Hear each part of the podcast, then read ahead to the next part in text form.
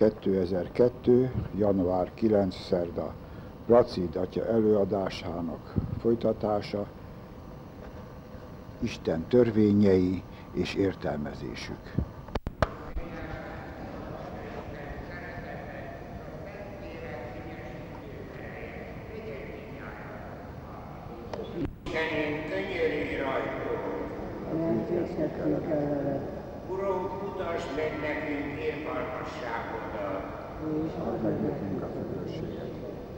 Irgalmazzon nekünk a mindenható Isten, bocsássa meg bűneinket, és vezessen el az örök életre. Amen.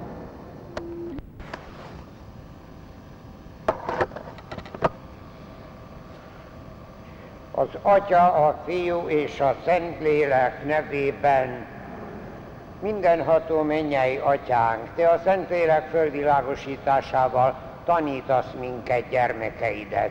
Kérünk, add meg nekünk, hogy szent lelked által megismerjük, ami igaz, megszeressük, ami helyes, és örvendjünk szüntelen az ő vigasztalásán. Krisztus, ami Urunk által, az Atya, a Fiú és a Szentlélek nevében. Dicsértessék a Jézus Krisztus! Tavaly befejeztük az ötödik parancsolatot, és most áttérünk a tíz parancsolat hatodik parancsára. Az ötödik parancs az emberi életet védelmezte, a hatodik parancs viszont az életadó intézményt, a házasságot, a családot teszi, veszi védelmébe, mégpedig Isten védelmébe szolgálja. A sínai szövetség kötésnél Mózes ajkán ez a parancs így hangzott, ne törje házasságot. Mi viszont így szoktuk mondani, hogy ne paráználkodjál. Ha jól értjük a szavakat, úgy tűnik föl, hogy az Ószövetségi szöveg egy kissé kisebb területre vonatkozik, mint az új szövetségi, és valóban így is van, bár az is igaz, hogy az egyház tanításában valóban néha egy kicsikét eltúlozzák a hatodik parancsnak, a kemény parancsnak a tárgyalását, csak egyet hadd mondjak el, amikor növendék voltam Panonhalmán, hát akkor a teológiában az összes parancsot, az erkölcsi a morális, egy morális tankönyvben, egy könyvben tanultuk, az összeset, a hatodik parancsolatról volt egy külön könyvünk. Ez kétségtelen egy kicsit az arányokat eltúlozza, de manapság meg egy fordított arányban, egy fordított szempontból van torzulás, a hívő emberek is hajlamosak arra, hogy bagatelizálják ezt a törvényt, vagy elhomályosítják, vagy pedig egyszerűen kijelentik, hogy a tíz ez a parancsa megtarthatatlan, kivihetetlen, ez annyira korlátozza az emberi szabadságot, hogy ez ténylegesen megengedhetetlen parancs a tíz parancsolat között. Ilyeneket is hall az ember, nem egyszer kegyetlennek és kivihetetlennek, megtarthatatlannak tartják ezt a hatodik parancsot. Igen fontos tehát, hogy tisztán lássunk. Segíthet ebben az, ha fölfigyelünk arra, hogy a sínai szövetség kötésnél ez a parancs inkább jogi természetű volt, hiszen az erkölcsi természetét éppen a nemi életnek, azt a kilencedik parancsolat tartalmazta, tehát tulajdonképpen itt inkább jogi vonatkozásban szerepel a házasság törés. Bár érdekes, nálunk magyaroknál a Jordánszki kódex névtelen fordítója már így fordítja, hogy ne paráználkodjál. Aztán a Károlyi fél, Károli Gáspár féle, meg a Kájli György féle bibliafordítás ugyancsak így hozza, csak a legutóbbi bibliafordítások, amik a Héberből való fordítások, tehát nem görögből, hanem a Héberből, azok hozzák így, hogy ne kövess el házasságtörés. Tulajdonképpen az erkölcsi életnek a nemiséggel kapcsolatos minden bűnje azért tulajdonképpen ide tartozik, tehát ilyen formában, hogy ne paráználkodjál, ilyen formában is érvényes. A Héber kifejezés is tulajdonképpen értelmileg ugyanezt hozta, mert ott is ne légy erkölcstelen, ne légy hűtlen, ne légy csalpa. Az Ószövetség ennek a parancsnak az egész nép szempontjából az Ószövetségben óriási jelentősége volt, tudni illik. A környező pogány népeknek a egészen könnyelmű nemi fölfogásával szemben ez egy bizonyos szigorúságot jelentett. És Jahve azt akarta, hogy a zsidó népben, tehát a választott népben a férfinek és a nőnek a kapcsolata hasonló legyen a szövetségkötés alkalmával az ő és a népe kapcsolatának. Ez egy érdekes hasonlat volt az Ószövetségben, a szövetség istene és a választott népnek a kapcsolata az mindig a házasságnak a, a kapcsolatával volt összehasonlítható. Úgyhogy a, a proféták akkor, amikor hűtlen volt a nép a szövetséghez, akkor azt házasságtörésnek minősítették. Úgyhogy ezen érdekessége volt az Ószövetség gondolkodásának, hogy az Istennel való szövetséget a házas szövetségre hasonlították össze.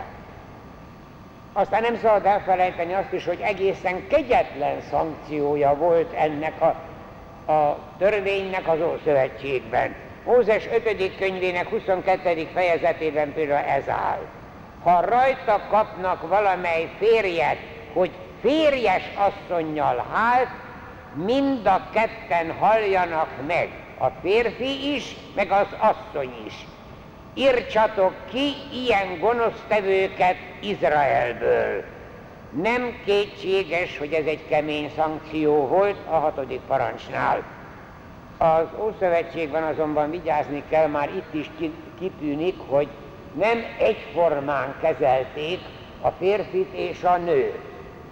Bár a Teremtés könyvében a házasság egy férfinek és egy nőnek az életszövetsége, mégis az idők folyamán a gyakorlatban kialakult az, hogy a férfi a felesége mellé még több feleségeket, mellékfeleségeket, és hát ö, egyéb még nemi kapcsolatban lévő embereket is tarthatott, de nagyon szigorúan vették azt, hogy több férjűség, az teljesen elképzelhetetlen volt, de a több nejűség az az Ószövetségben megvolt.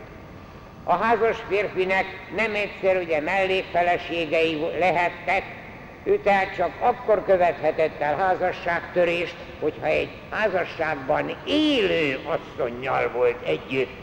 Tehát egy leánynál nem, bár azért ott is voltak olyan törvények, hogy egy leányt azért akkor el kellett venni feleségül, vagy a feleség mellé másodfeleségnek, vagy pedig ki kellett fizetni a, azt a bizonyos összeget, amivel a, az asszonyt annak idején a házasságkötés előtt megvették. Szóval itt azért egészen más ö, mentalitás volt az Ószövetségben a házassággal szemben, tehát ezért kell itt pontosan éreznünk, hogy az Ószövetségben egy apa jogú társadalom volt, ott például a vállásnál, hát a vállás az a férfinek törvényes volt, váló levéllel, sőt, volt egy időben, amikor egészen picin kis okokkal nem jó ízű levest főzött az asszony, akkor egy váló levélre lezavarodta a férfi. Szóval egészen furcsa helyzetek is adódhattak, Ugyanakkor a nő semmiféle vállólevél vagy vállólevél nélkül nem hagyhatta ott a férjét.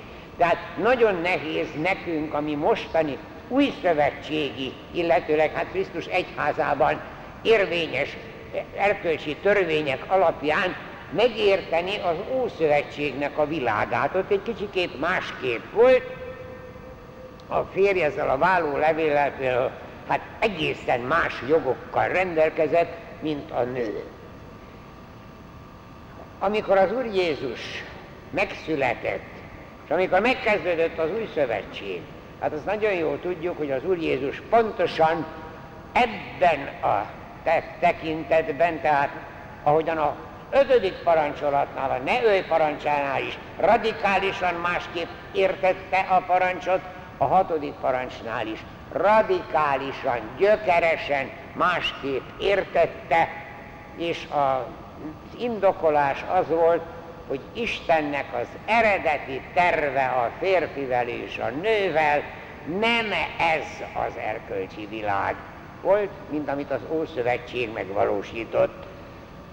Mózes által engedélyezett vállólevelekre, amikor kérdést intéztek Jézusrahoz, egészen kereken megmondta, hogy Mózes csak szívetek keménysége miatt engedte meg nektek, hogy elbocsássátok feleségeteket, kezdetben azonban nem így volt.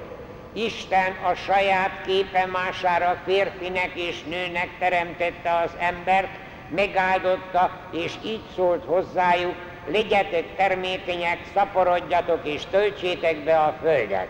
Ezért a férfi elhagyja apját és anyját, és feleségével tart, és a kettő egy test lesz. Többé nem két test, hanem csak egy, amit tehát Isten egybe kötött, azt ember ne válassza szét soha. Hát ez azért egy egészen más világot tár elénk, tehát az Úr Jézus itt szinte kérlelhetetlenül másképp fogta föl a hatodik parancsot, mint az, az Ószövetség népe. Jézus egyenesen a Teremtő Isten tervére hivatkozik, amelyben az életfakasztás, a házas élet egységét és fölbonthatatlanságát kívánja meg. Mert az Istenfélő szeretet csak így látja biztosítva, hogy a meginduló új élet éppen a szeretetnek a gyümölcse, és nem egy érzéki, önző gyönyör aktusának egy terhes következménye. Mert ugye az új élet így is lehet, és úgy is lehet. Nem vitás, hogy Jézus véleménye szerint itt teljesen más a helyzet, mint az Ószövetségben volt. Tehát a hatodik parancs is a szeretet megvalósulására vigyáz, mert éppen az ember nemi életében van a legtöbb veszély a szeretet kapcsán. Az önzés és a szeretet óriási különbséget jelent, tehát különösen odaadó és elfogadó szeretetnek kell vezérelnie a házasságot. Egyenesen meggyalázza az emberi méltóságot az, hogyha kizárólag a gyönyör szempontja kerül előtérbe, és a másik fél jóformán ennek a gyönyör érzésnek az eszközévé válik. Tehát az ember méltóságot sérti meg.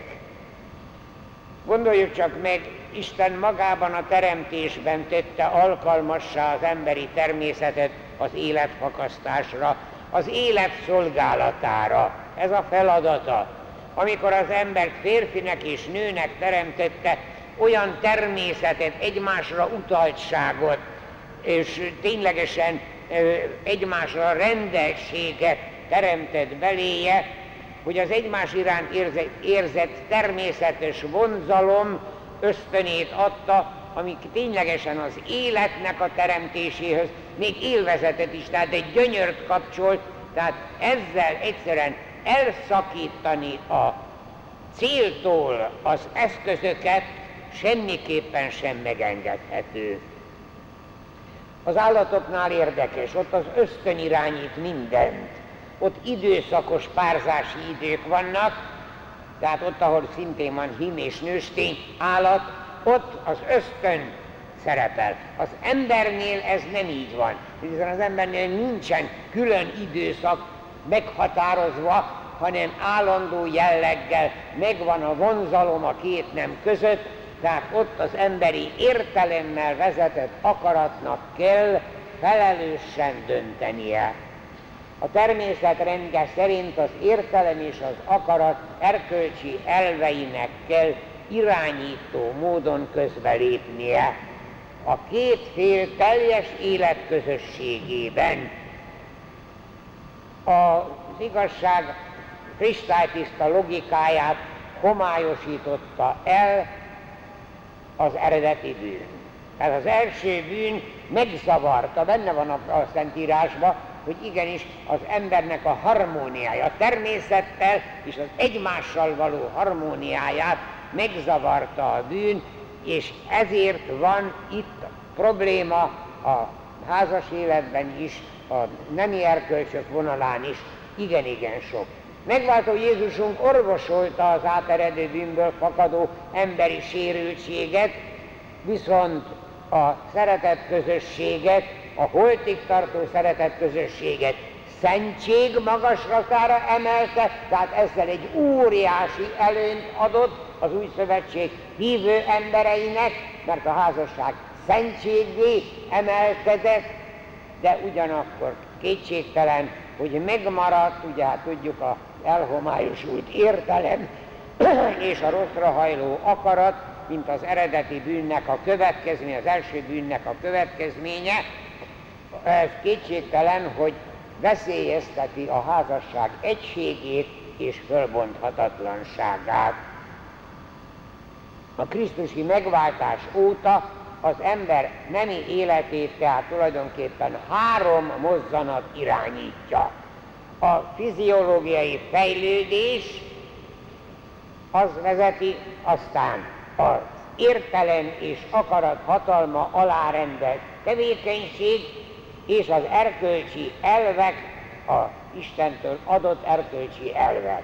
Lássuk ezt a hármat egy kicsit részletesebben. A természet szerint a gyermek már a születésében örökli az elődök áldásos vagy átkos életének a nyomait.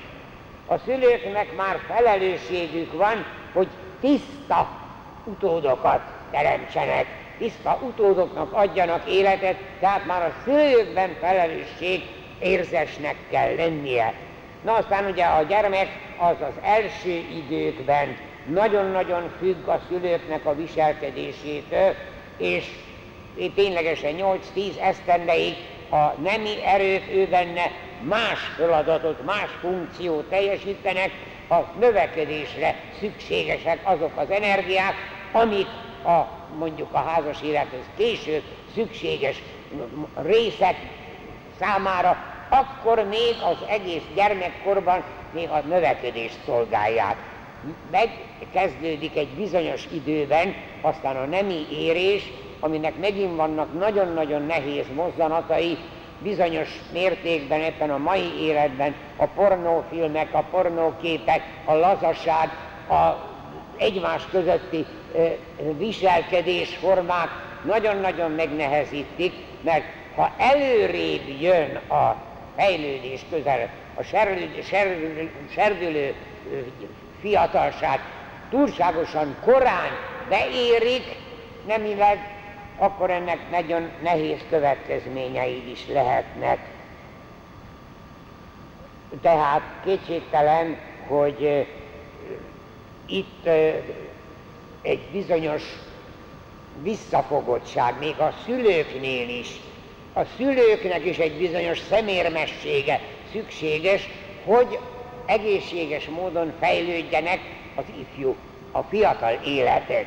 És itt van egy kicsit nekünk nehézségünk, nekünk Krisztusiaknak a mostani hát különböző véleményekkel, a naturista vagy nudista gondolatokkal, viselkedésekkel, hogy ezeket az akadályokat egyszerűen lebontani nem okvetlen előnyös, nem okvetlenül mindenütt jelenti azt, hogyha a mezitelenséget olyan pici korban már olyan egyszerűnek, természetesnek tartják, hogy ez a későbbi időben ez sok mindentől megmenti aztán a fölserdülő ember. Szóval még a családi életben is a szemérem érzetnek megvan a maga feladata, megóvja az ember, ez nem illő lealacsonyító cselekedeteket az emberek között. Tehát a fiziológiai fejlődésnek is megvannak a maga szabályai.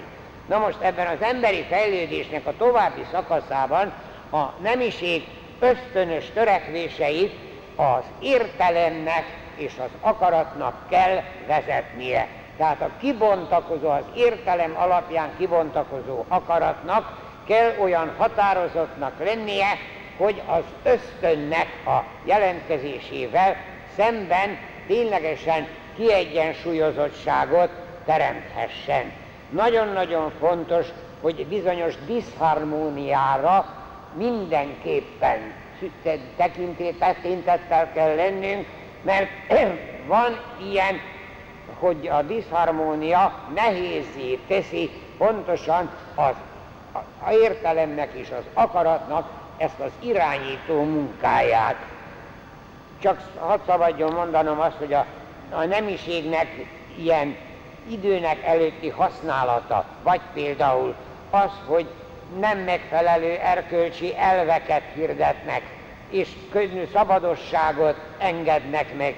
Ezzel kapcsolatban az emberi, a, a fejlődő embernek a fantáziáját ragadják magukkal.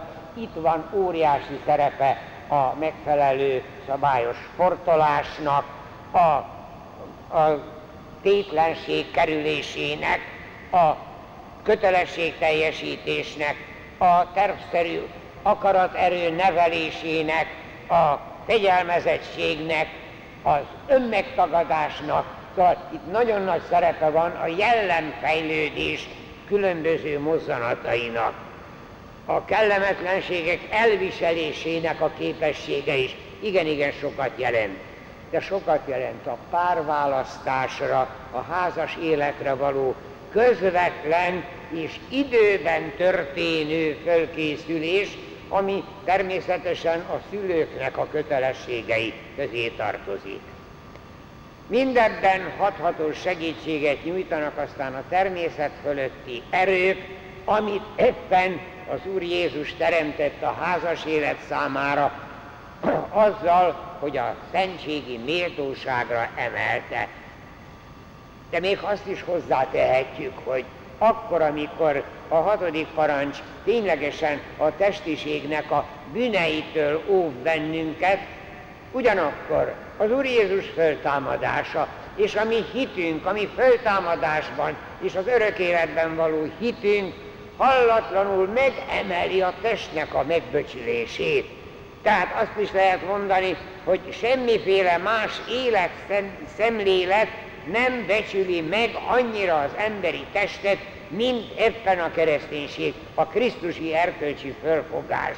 Nagyon-nagyon fontos, hogy Krisztus misztikus testének tagjai vagyunk, a testünk is a Szentlélek temploma, a testünk is érték, tehát itt egy pillanatig nem lehet háttérbe szorítani, azért, hogy azt mondjuk, hogy testiség az bűn lehet, az megint egészen más.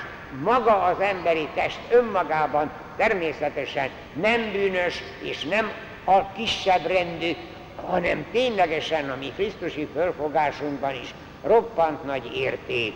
És éppen itt van aztán a nehézség, hogyha nem tudom én, pszichoanalízis, vagy különböző pszichológiai praktikák valamiképpen úgy akarják eloszlatni az emberekben lévő problémákat, hogy kibeszéltetik belőlük. Tehát tulajdonképpen nem egészségessé teszik, hanem visszatolják a nem tudom én, a tudat alattiba, vagy pedig onnan akarják kibontani. Szóval nagyon-nagyon nehéz, hogy itt mindenben ö, erotikus gondolatot, erotikus vonatkozást találjunk, nem szabad arra gondolni, hogy az emberi test kizárólag erotikum. Igenis az emberi testnek értéke is van. A felnőtt ember erkölcsi tisztaságát nem szabad úgy elképzelnünk, hogy az egy, egy ártatlan gyermeki tisztaság, nem. Az küzdelemnek az eredménye, igenis vannak ellenséges mozzanatok, belülről és kívülről jövő ellenséges mozzanatok, amikkel szemben valóban a tisztaság, a házassági hűség, mert a házasságban épp úgy megvan ennek a küzdelmes mozzanata, mint a házasság előtt, vagy a házasság nélküli életben.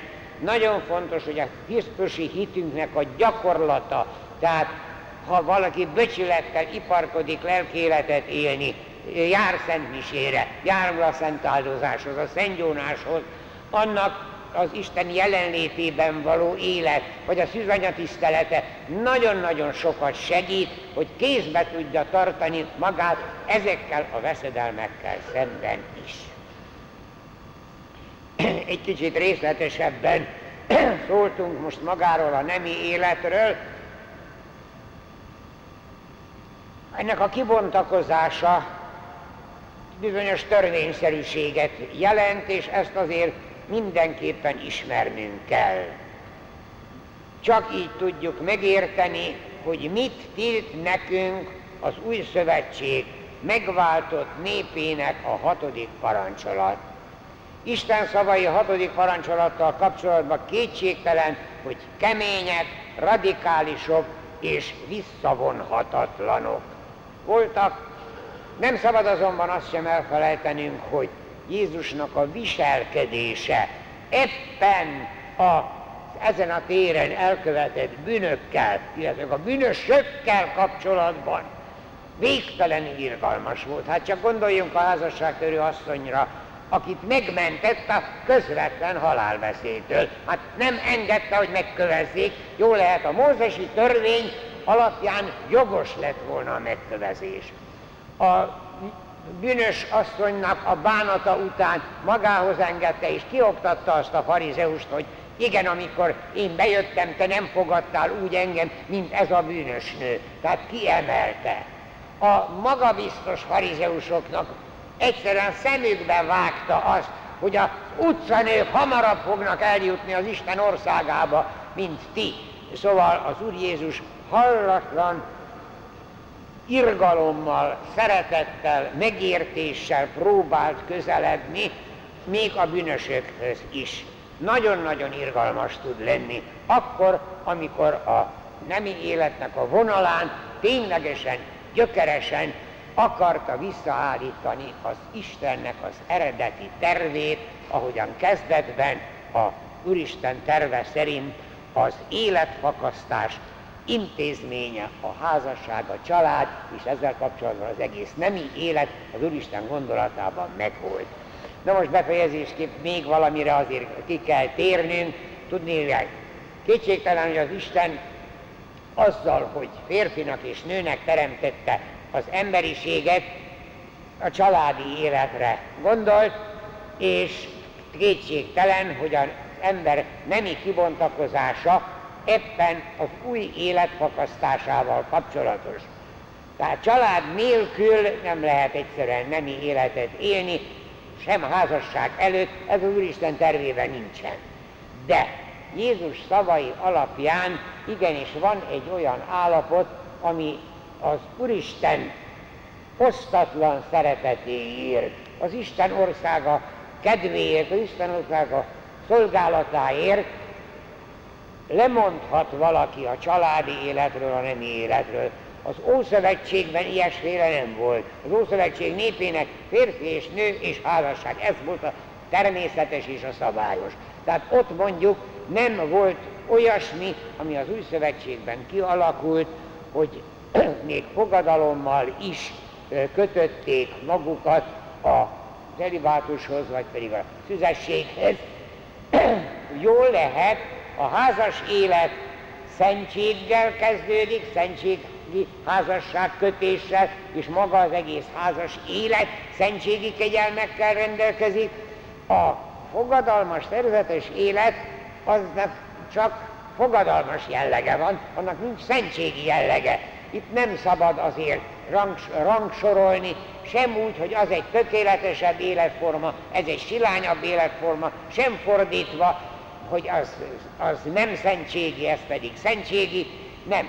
Ez igenis kialakult az egyház történelmében, és bizonyítja, hogy a lélek értékei is ténylegesen, pontosan a celibátus, ugye a katolikus, római katolikus egyház papjaitól kívánja a celibátus, nem csak azért, mert nagyon egyszerűen lehet ezt megmagyarázni a mai életben. Annyira igénybe veszi a lelkipásztorkodás azt a katolikus papot, hát én saját magamról tudom, reggeltől estig hogy egyszerűen vagy pocsék férj és pocsék papa és jó lelkipásztor, vagy pedig nagyon jó férj és nagyon jó apa, de akkor pocsék lelkipásztor. Szóval egyszerűen nem megy, a katolikus vallásban nem megy a kettő, de nem is ez a legfontosabb, hanem az, hogy ez az életállapot is bizonyítja a léleknek az értékét, és a léleknek a megbecsülésére ösztönöz bennünket.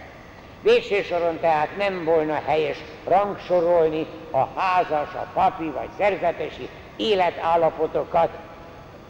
Igenis mindegyik állapotban érvényben van a hatodik parancs, és hogy a hatodik parancs kitől mit kíván, erről majd legközelebb folytatjuk, mert tisztába kell lennünk valóban, nem szabad hamis prüdériával, hogy nem beszélünk erről, mert hát az nem illik, nem, ez egy csodálatos valami az élet fakadásának a csodálatos misztériuma, amit természetesen az Úr Jézus is a hatodik parancsnak a magyarázatával és a hatodik parancs értelmezésével mindenképpen megvédett. De erre majd kifejezetten a jövő alkalommal térünk ki. Addig is áldjon meg bennünket a mindenható Isten, az Atya, a Fiú és a Szent Lélek. Dicsértessék a Jézus Krisztus!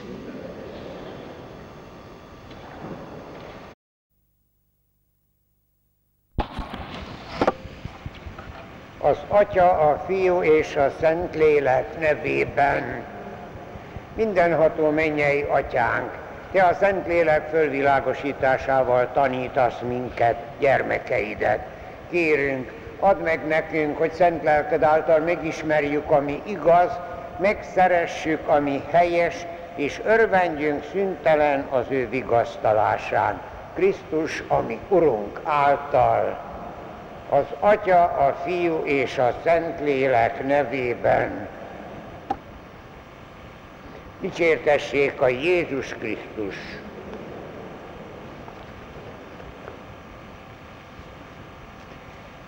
a tíz parancsolat ötödik parancsa után, ami az emberi életet védelmezi, áttértünk a hatodik parancsra, ami a, tulajdonképpen az emberi életet adó házasságnak, a családnak a védelmét szolgálja. Az első kihirdetésekor a sínai szövetségkötésnél ez úgy hallatszott, mint hogyha egy kicsi szűkebb körre vonatkozott volna, így szólt, ne törje házasságot. Jézus azonban radikálisabb értelemben és kiterjesztett értelemben használta, mert a Teremtő Isten ténylegesen, a Teremtő Isten akarata szerinti egész nemi életre vonatkoztatta, és ezért mondjuk ma így, ne paráználkodjál. Azért kellett a múlt alkalommal végig tekintenünk a egész nemi életnek a kibontakozását, mert a Krisztusi megváltás óta nem csak a természet biológiai fejlődésének a rendje, és nem csak az emberi értelem és akarat erkölcsi elveinek a szerepéről van szó, hanem a megváltás után a természet fölötti erő, az isteni kegyelem is, hiszen ugye a házasságot a szentség magaslatára emelte az Úr Jézus. Most lássuk részletesebben, mit is kíván tőlünk, és mit tilt nekünk ez a hatodik parancsolat, elsősorban a házasság és a család védelmében. Jézus szerint, ezt már említettük, a házasság teljes szeretet és életközösség, amit nem lehet sem minőségileg, sem mennyiségileg hát föllazítani. Gondoljunk csak arra, hogy a házasság, mint életszövetség, mint szeretett szövetség nem egyenlő a házassági szerződéssel. Hát egy szerződésnél a föltételeket a szerződő szele, felek szabják meg, és általában, még hogyha jó barátok, akkor is azért bizonyos mértékben szembeállnak egymással, mert mindegyik a saját érdekét akarja rögzíteni a szerződésben. A házasságnál nem így van. Ott ö, azt, hogy egyáltalán köt valaki házasságot, vagy kivel köti a házasságot, azt szabadon megteheti. De ha már házasságot köt, annak a törvényszerűségét, annak a szabályait nem ő szabja meg, hanem az Úristen. A föltételeket, a jogokat, a kötelességeket az Úristen szabta meg. És tulajdonképpen azért a házas felekben igazán nem az ellentét szerepel, hanem hát megtalálták egymást, tetszenek egymásnak, szeretik egymást, ezt a szeretetet akarják a házasság szentségében kiteljesíteni. Tehát itt nagyon világosan kell látnunk, hogy ezt a szeretet és élet közösséget, amelyet Jézus szentségi rangra emelt, ez mindenképpen a házas feleknek egy olyan hallatlan nagy lehetőséget nyújt, hogy egymásnak közvetítik az Isten kegyelmét.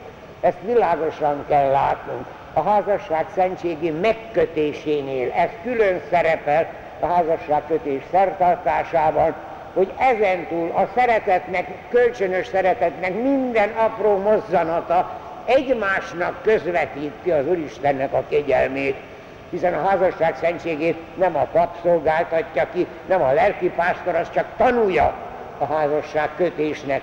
A jegyes pár igenje, egymásnak elmondott igenje a kölcsönös szeretetnek, a kölcsönös elfogadásnak, odaadom az életemet, és elfogadom a másiknak az életét.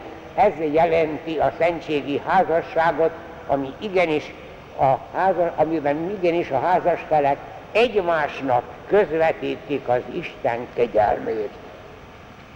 Hangsúlyozni kell ezt nagyon, mert tudjuk, hogy a 16. századi hitújítás itt egy kicsit változtatás, nem is kicsit, hanem nagyot változtatott, ők nem fogadták el, Luther Márton nem fogadta el, hogy a házasság szentségi rangra emelkedett, ő azt vallotta, hogy a házasság az a természetes rendnek egy aktusa, tehát a természetes rend vezetőinek, tehát az állami hatóságoknak a jogkörébe tartozik, az egyház legfeljebb megállhatja azt a szerződést, de az nem az ő joghatósága alatt van. Mi katolikusok ezt nem valljuk így, igenis az egyháznak a joghatósága alá tartozik, tehát még a szabályokat, még azokat a, a apró megkötéseket is az egyház adja, de ennek a fejében a házasság igenis szentség, tehát kegyelmet közöl a házasság egész élete van. Nagyon vigyázni kell, nem csak a házasság megkötése szentség, hanem az egész házas élet az egész együttélés, a szeretetnek ez az élet közössége szentségi rangra emelkedett. Erre nagyon vigyázni kell. Pontosan a szegény Luther Márton azt mondta, hogy ein äußerlich weltlich Ding, tehát egy teljesen világi dolog a házasság.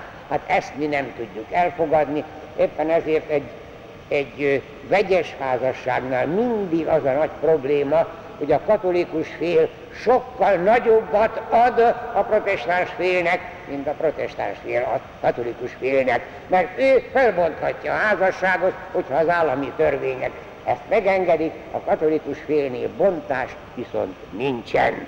Nagyon-nagyon komolyan kell ezt tudni, mert ez ténylegesen, hát ugye következményekkel jár, az egyház hatás körébe tartozik soroljuk csak föl az egyháznak a jelenlegi törvénye, törvényei szerint. A meg nem kereszteltek polgári kötése természet jog alapján házasság. Tehát a katolikus vallás fölfogása szerint a meg nem kereszteltek polgári házasság kötése természetjog alapján is fölbonthatatlan. Nem katolikus keresztények egymással között házassága szentségi és felbonthatatlan. Tehát nem katolikusok, ugye keresztények egymás közötti házassága. Ugyanakkor a egy katolikusnak és egy nem katolikusnak, vagy pedig nem kereszténynek a házassága csak akkor érvényes, ezt különböző történeti hát nehézségek miatt kellett a Trentói zsinatnak hát ki, törvényként megadnia, csak a katolikus templomban történő szertartással érvényes, és mindig a püspöknek kell az engedélye hozzá. Tehát a katolikus félnek nem katolikussal, vagy nem megkeresztelte való házassága püspöki engedély nélkül nem érvényes.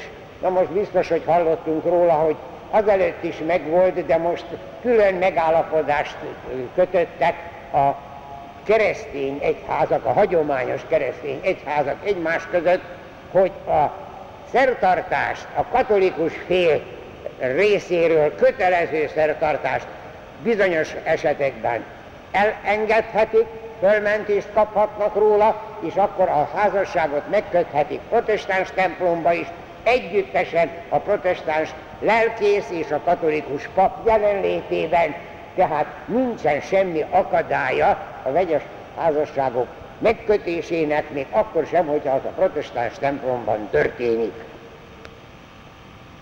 Ez a házasság minősítési, hát teljes, hát lerögzített és beváltoztathatatlan lényege. Mennyiségi szempontból sem lehet lazítani. Itt világos, hogy az önátadás tulajdonképpen csak egy személy részéről lehet egy személy részére. Teljes elfogadás és teljes önátadás. Úgyhogy a mózesi törvény, amikor ugye az Úr Jézus szembe került azzal, hogy el, a vállást elengedte, vagy megengedte, vagy megengedte a több nejűséget, a több férjűség akkor sem volt, de a több nejűség az igenis megvolt, erre mondta az Úr Jézus, hogy ez csak az akkori ember keményszívűsége alapján kapott valamiképpen engedélyt, de ez nem az jó Istennek az akarata, kezdetben nem így volt, a teremtő nem így kezdte. Tehát itt az egyik, a katolikus házasságnak az egyik nagyon szigorú tulajdonsága az egység. A szeretet és életközösség lényegéből fakad, hogy semmiféle törvény nem változtathatja meg, még a házas felek saját maguk se engedhetik meg kölcsönösen a házas élet alatt, hogy még más valakivel is kapcsolatot teremtsen. Mind a, a két fél ilyen szempontból szabadon választhat, hogy kivel szintén szabadsága van, de ha egyszer a házasságot megköti, annak az egyik legfőbb tulajdonsága az egység. A polgári kötés természetesen az egy szerződés, és hát a szerződés bizonyos körülmények között fölbontják, ilyesféle előfordulhat, a polgári kötésnél a házasság, a társadalmi és a gazdasági következményeket rögzíti tulajdonképpen, nem érinti semmiképpen sem a házasság szentségének az egységét. Vádolják az egyházat, ez amiatt, hogy kegyetlen ezzel, hogy hát nem hajlandó az egységen semmiképpen sem engedményeket tenni, mert hát az a helyzet, hogy hát igen, én nem akarok hűtlen lenni, de hát azért kiélhetem magamat más, vala, más vonalon is, ez előfordul manapság, de ezt semmiképpen az Isten törvényeivel összeegyeztetni nem lehet. Az ószövetségi törvények nagyon szigorúak voltak a házasság töréssel kapcsolatban, halállal büntették, manapság viszont hát mindenféle magyarázatot tudunk rá találni, hogy igenis, hát ki kell élveznem magam, még akkor is, hogyha házasságban vagyok, de itt roppant sok lehetőséget meg akarnak magyarázni manapság, amit sajnos hát és semmiképpen a katolikus fölfogás szerint nem lehet. Itt sajnos azt kell még megvallanunk, hogy nekünk papoknak az a szerencsétlenségünk, hogyha egy házasság valamiképpen hát megromlik, akkor mi a ártatlan féllel kerülünk kapcsolatba, de rendszerint csak olyan állapotba, hogy már nem a törés van, nem az első repedés van a szereteten, hanem már szakadék van közöttük, és hát nagyon-nagyon nehéz akkor valamit, olyasmit találni, ami hát helyrehozhatja a nehézségeket. Nagyon-nagyon nehéz. Amikor mi találkozunk valakivel, az mindig olyan angyal, az mindig olyan tökéletes, mindig a másik fél a hibás, és amikor az ember kénytelen azt mondani, hogy hát hogy, hogy ilyen ördöggel kötötte össze az életét, na jó, hát akkor még nem ez volt. Hát hogy, hogy akkor maga mellett egy ilyen ördög. Szóval ilyen nehézségek vannak. A kölcsönös elfogadás, vagy egyszerűen engedése annak, hogy egy ilyen házasság teljesen hát fölboboljék, nagyon-nagyon nehéz, és itt nem tudunk semmi olyan, hát mondjuk mentséget venni, illetőleg azt kell mondanunk, hogy az Úristen is tiltja a házasságtörést, de végtelenül irgalmas volt minden megtérő bűnösnek, és az egyház azt kéri a sértett féltől is a házasságban, hogy amennyire lehetséges, bocsásson meg, amennyire lehetséges, hogyha a megtérésnek egy kicsiket is jelét adja a másik fél, akkor próbáljon előzékeny lenni, mert a, a határozott együtt létnek mind a két félről tulajdonképpen egy vállásnál olyan, hogy csak az egyik fél a vétkes, a másik fél nem, ilyen tulajdonképpen nincs is. Ö, sajnos az a helyzet, hogy a a férfi és a nő személyes méltóságához hozzátartozik, hogy a kölcsönös szeretettel, kölcsönös egymás elfogadásával hát bizonyos áldozatokat is kell hozni, és amennyire lehet ténylegesen a megbocsátás szellemében, ahogyan az Úr Jézus is hajlandó volt a házasságtörő asszonyt is megmenteni, hajlandó volt maga mellé engedni a bűnös nőt is a bánata után, és ténylegesen az Úristen a megbocsátásnak a vonalán van. Na most itten a, tulajdonképpen már áttértünk a házasság másik nagy-nagy tulajdonsága a fölbonthatatlanság területére. A természet szerűen igényli az egységet, a katolikus házasság, de ugyanolyan természetszerűen igényli a fölbonthatatlanságot is. A végleges kötelesség, szóval a végleges egymásnak adottság és egymás elfogadása az egyszerűen nem tűri azt, hogy hát addig, ameddig jól érzem magam benne, addig van, utána pedig fölbontom. Ö, belső és külső fölbonthatatlanságról szoktunk beszélni, a belső fölbonthatatlanság az jel, azt jelenti, hogy maguk a házas felek sem bonthatják fel az érvényesen megkötött házasságukat. A Szentírás világosan tanítja, hogy aki elbocsájtja a feleségét és mást vesz, házasságot tör. És az is házasságot tör, aki férjétől elbocsájtott asszonyt vesz magához. Amikor ezzel szemben a farizeusok a mózesi vállólevélre hivatkoztak, Jézus határozottan felelte, hogy kezdetben nem így volt, tehát tulajdonképpen az Úr Jézus egészen határozottan a házasság fölbonthatatlansága mellett próbálta az akkori lehetőségeket egy kicsit gyökeresebben, tehát megszigorítva eléjük tárni. Pálapostól is azt vallotta, maga az Úr parancsolja azt, hogy a feleség ne hagyja el férjét, ha mégis elhagyná, maradjon férj nélkül, vagy béküljön ki vele.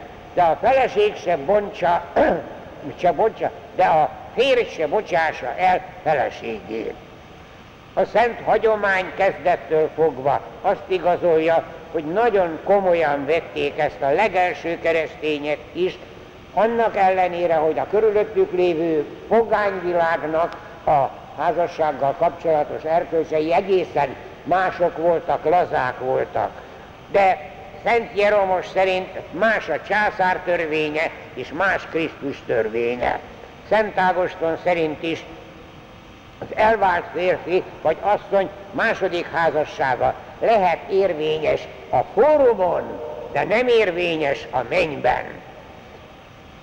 Amikor később az ortodoxok egy Máté szövegből arra következtettek, hogy azért házasság törés esetén föl lehet bontani a házasságot, manapság is van ilyen, és a protestáns testvéreinknél is ilyen alapon fölbontják a házasságot, akkor ezzel szemben a katolikus vallásnak nagyon határozottan nyilatkoznia kellett, a Trentói zsinat a, még a házasságtörés miatt sem tartja lehetségesnek az érvényes házasság fölbontását. Az egyház világos, hogy nem bonthatja föl, tehát a belső fölbonthatatlanság a házas feleket érinti. A külső fölbonthatatlanság sem polgári hatóság, sem egyházi hatóság nem bonthatja föl. Na most itt vigyáznunk kell, az egyháznál van egy ilyen lehetőség, eleve érvénytelennek nyilvánítani azokat a házasságokat, ahol olyan akadályok vannak, amik a házasság kötés pillanatában hát nem voltak ismerősek, vagy eltitkolták, és később ö, lett tudomás az egyház részéről is, ott akkor eleve érvénytelennek nyilváníthatják a házasságot, a szentségi házasságot is, de ez nem vállás, hanem eleve érvénytelennek nyilvánítás. Például, ha kisül az, hogy vérrokonok, ha kisül az, hogy korhiányban van, vagy erőszak által lettek, vagy ö, egy, valamilyen föltételezés, valamelyik rész fél bizonyítani tudja, hogy ő csak egy bizonyos föltétellel ilyen van, ha nem lesz gyermek, mert nekem gyermek nem kell. Hát ilyen föltételeknél akkor el, eleve, eleve, vagy pedig később derül ki, hogy már nem volt szabad állapotban, tehát volt már egy érvényes házassága. Ilyesmi is van. A múltkorában éppen a, a János atya, aki ezekkel a kérdésekkel foglalkozik, egy negyedik házasságot kellett valamiképpen rendbehozni, vagy kellett volna rendbehozni, és kisült, hogy a második házasságnál már nem tudták azt, hogy az első házasság volt. Tehát a második házasság megkötése már érvénytelen volt, tehát utána annyi minden, egyszerűen nem, nem volt tudomása se az egyháznak, hát az illetőnek kellett, de hát az illető meg elhallgatta. Úgyhogy itt azért mindenképpen érvénytelenné nyilvánításról lehet szó, de vállásról a katolikus vonalon egyszerűen nem lehet. Még egy kérdést szabadjon itt megemlítenem, a modern pszichológusoknak is van egy nagyon-nagyon zseniális gondolatuk, azt mondják, hogy az ember annyit változik. Hát a teste is állítólag 7 évenként változik, de az ember a fejlődés kapcsán annyira változik, hogy egyszerűen képtelen egy életre ígéretet tenni, vagy egy életre vállalni valamit, felbonthatatlan házasságot. Hát itt ezzel szemben csak ezt tudjuk mondani, hogy a, a modern pszichológusok, lélekbúvárok lehetséges, hogy a maguk szempontjából igazuk van, de a házasság szentsége az Isten színe előtt köttetik, abban benne van maga a megváltó Krisztus, a kegyelmével. Tehát ott nem csak egy ember egy másik emberrel, hanem igenis az Úristen kegyelmével együtt, tehát az messze meghaladja a pszichológusoknak az elképzelését, hogy mit bír egy ember. Benne van az Úristen, tehát akkor, amikor a házasság szentsége megtörténik, akkor az Úristen is garantálja, hogy annyi kegyelmet ad, hogy ténylegesen fölbonthatatlanul tudják végigélni. Az embernek a szabad akarata persze még akkor is közbe szólhat, még akkor is elkövethet valami vétket, de a házasság szentségi megkötésénél maga az Úristen is a kegyelmével besegít. Mindennek ellenére előfordulhat az, hogy annyira megromlik a házasság, a házas élet, hogy az egyház is azt mondja, hogy hát nagyobb bajok elkerülése véget, hát valamiképpen ennek a nagyon elromlott házasságnak egy modus vivendit kell találni, ennek van egy érdekes kifejezése, ágytól asztaltól való elválás engedély, engedélye, tehát akkor nem élnek együtt a házasfelek, de természetesen egyik fél sem köthet egy másik házasságot, mert ez nem vállás, csak az egyház kénytelen belemenni abba, hogy elváltan éljenek. Na most itten két lehetőség van. Valaki vagy ezt elfogadja, hogy megpróbál becsületes katolikus életet élni, annak ellenére, hogy csődbe futott a házassága, vagy pedig egyszerűen azt mondja, hogy hát nem tudok én egyedül élni, nekem mindenképpen kell egy másik házastárs. Itt a két eset között óriási különbség van. A katolikus fölfogás szerint a házasság fölbonthatatlan. Tehát egy fölbonthatatlan házasság alatt egy új házasság megkötése lehetetlenség szentségileg. És még az is hozzájárul, hogy a katolikus életében is egy bizonyos korlátozásra kényszerül.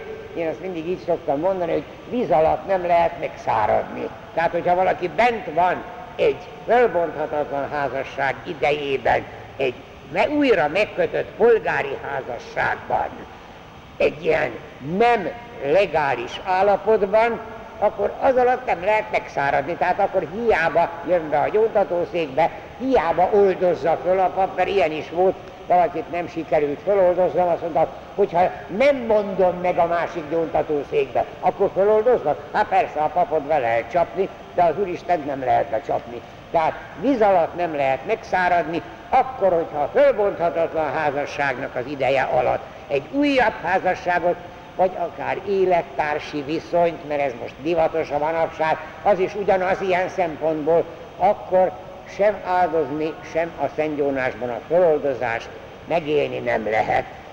Itt persze bele szól az is, hogy hát botrányt okozna, hogyha az áldozásnál látják a hívek az elvált és újra megházasodott szentségi házasságban élő ugyanúgy járó szentáldozáshoz, mint a másik hívő, tehát itt ezt nem lehet semmiképpen sem legfeljebb egészen idős korban, akkor, hogyha nagyon hát igénylik azt az idős korban a szentgyónást és a szentáldozást, akkor lehet egy gyökeres szanációt elé, e, valahogyan megoldani, egyházilag van ilyen lehetőség, de akkor teljesen a továbbiakban, még ha együtt is élnek, de nem házassági joggal, ez csak egész idős korban lehetséges.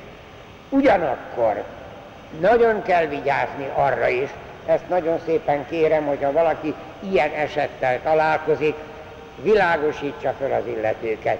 Még olyanok is, akik egy fölbonthatatlan szentségi házasság ideje alatt egy új polgári házasságot kötöttek, az egyház részéről nincsenek kiközösítve. Mert rendszerint az ilyen aztán akkor ott hagyja az egészet, én ki vagyok közösítve, engem kilökött az egyházam, én már többet nem járok templomba, szó sincs róla. Mindennek a lehetősége megvan, a vasárnapi Szentmise lehetősége megvan, a Szentírás olvasásának a lehetősége megvan, az imádságnak a lehetősége megvan, a gyermekek tisztességes keresztény nevelésének a kötelezettsége megvan, egyedül a szentgyónás feloldozása lehetetlen a bűnös állapot alatt, és hát természetesen ennek kapcsán a szent áldozás is.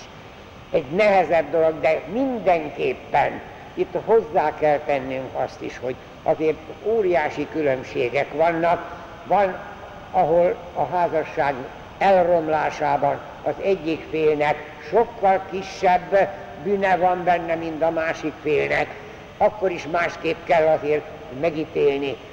Vagy amikor pici gyerekek vannak, a gyerekek nevelésével kapcsolatban szinte vele kényszerül esetleg egy újabb házasságba, szóval itt nagyon-nagyon nagy megértéssel kell, mert végső soron, ha becsülettel katolikus életet él valaki, akkor az Úristennek az irgalmát tudja megszerezni, még az olyan helyzetben is, ami a paragrafus szerint ténylegesen nem lehetséges a házasság szentségében. Úgyhogy itt nagyon szépen kérem, hogy mindenkit világosítsak, hogy az egyház nem taszítja ki magából azokat sem, akiknek nem sikerült a házasságuk. Tehát nagyon-nagyon fontos, hogy a katolikus életnek a lehetőségei azt igenis alkalmazzák. A Szent Jónás szentáldozás nem lehetséges ilyenkor, de mindent meg kell tenni, hogy az Úristen irgalma a gyarlóságok, a vétkek, a bűnök ellenére is üdvözítse az illetőket. Nagyon fontos, hogy ez világos legyen előttünk. A Szent Jónás és a Szent Áldozás nélkül is az Úristen kegyelme igenis tudja üdvözíteni az embereket. Ezt szerettem volna még itt nagyon aláhúzni. Ezzel be is fejezzük a mai katekézist, még a következő alkalommal folytatni fogjuk, mert hiszen annyi kérdés merül fel, különösen a különböző védkeket, különböző mulasztásokat, különböző helytelenségeket fogjuk a következő alkalommal áttekinteni. Addig is áldjon meg bennünket a mindenható Isten, az Atya, a Fiú és a Szent Lélek. Dicsértessék a Jézus Krisztus!